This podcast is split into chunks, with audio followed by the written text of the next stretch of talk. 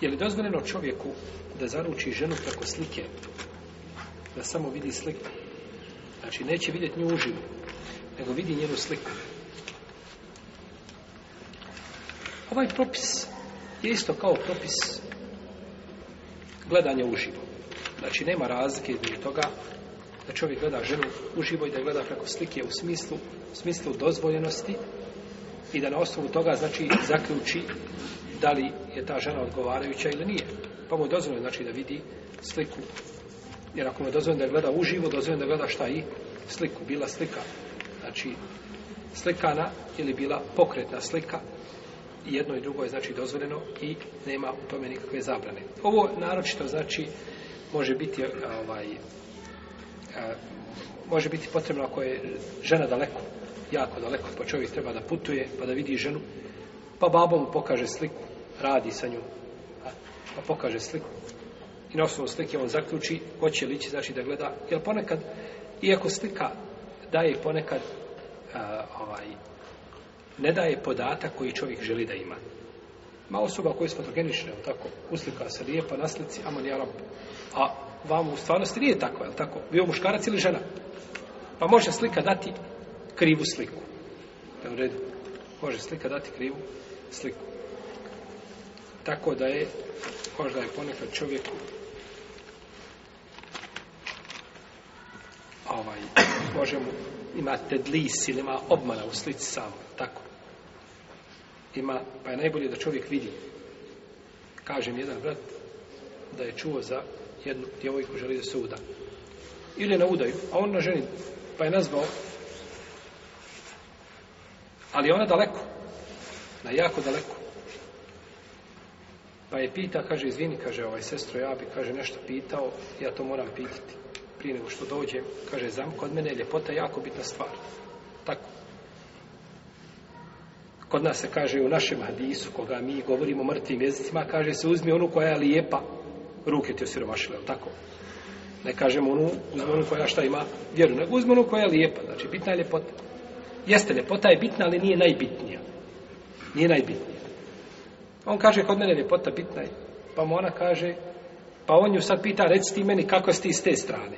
Ja sam čuo o tebi, drugo je sve u redu. Uvijeti kakva je Kaže, sve, kaže, žene koje su oko mene, s kojima se ja družim, kaže, obavezno mi, kaže, naređuju da stavim nikap. Toliko sam lijepa, znači da sam dovela cijeli grad u iskušenje. Kaže, ja odmah, iz tog momenta, onako kako jesam u stan, bez spavanja, bez odmaranja, znači put 800 km, kaže, idem da vidim i ja tu ljepotu, pretjeranu je li ljepotu, koja izgleda nije od Jusfa, ali i selam došla do danas nigdje do tebe. Pa kaže, kad sam došao, kad sam, kaže, kada sam je vidio, rekao sam stvarno, kaže, trebaš da staviš nikap, i okrenuo se i vratio se. Pa znači slika a, neće dati uvijek jeli, ovaj, slika neće dati pravu sliku koju čovjek želi da vidi. Ili može vidjeti preko slike jedno, a u stvarnosti je nešto šta? Drugo. U stvarnosti je nešto drugo, pa je preče da se to znači vidi uživo. Šta je zabranjeno? Jeste da se šalje slika ona njemu skenira sliku, pošalje, on ima sliku, pa će njemu se ne sviđa, pa će ima njegov jaran kojem, kome se ona navodno sviđa, pa će slika do jarana, pa će možda slika negdje završiti jednoga dana, Allah zna gdje će završiti. To nije ispravno, to nije dozvoljeno. Znači to se, znači tada biva šteta njoj i njenoj porodici i vi znate danas Photoshop, ne Photoshop ili šta se sve može raditi, tako dalje.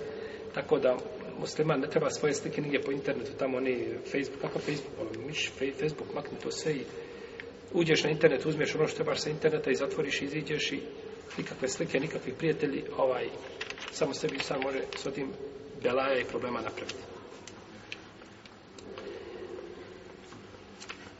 Pa slika, znači ovdje se može koristiti u nuždi.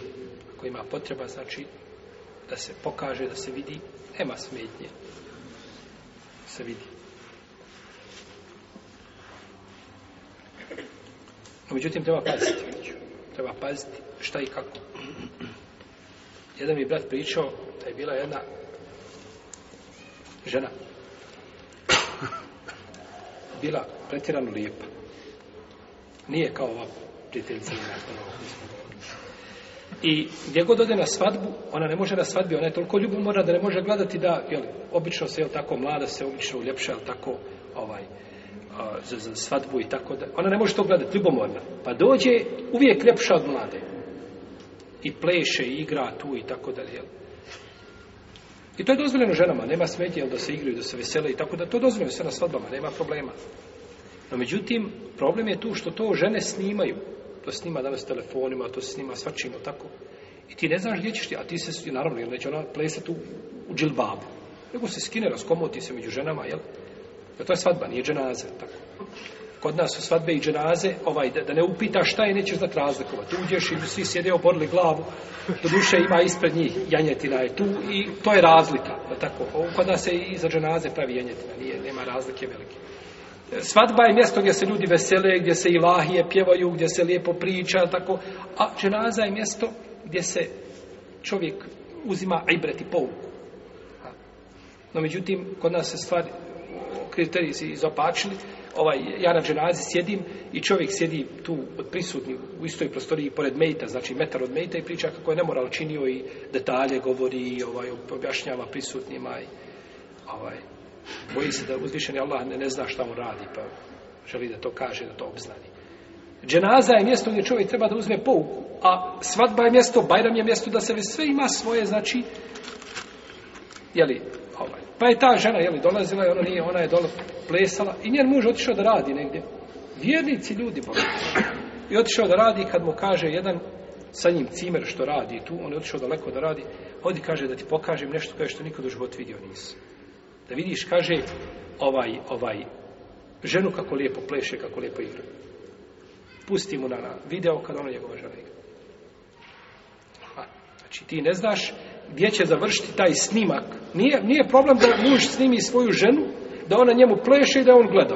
Ako mu je dozvoljeno ovo da gleda u stvarnosti kako mu pleše, je dozvoljeno preko, te, preko videa i preko DVD-a, nema smetnje nikakve. No, međutim, gdje će taj DVD završiti? I tako je, kako je u pitanju ples, tako je u pitanju sve druge stvari. Znači, ti ne znaš gdje će to završiti, kome će to doći, znači, u ruke i kako ćeš, znači, bruku nakon toga imati. Pa i nakon toga čovjek razdeo nije mogao to trpiti, da njegova žena, jel, a YouTube ovdje stavljena da je svako gleda i tako dalje. I ispravno je postupio.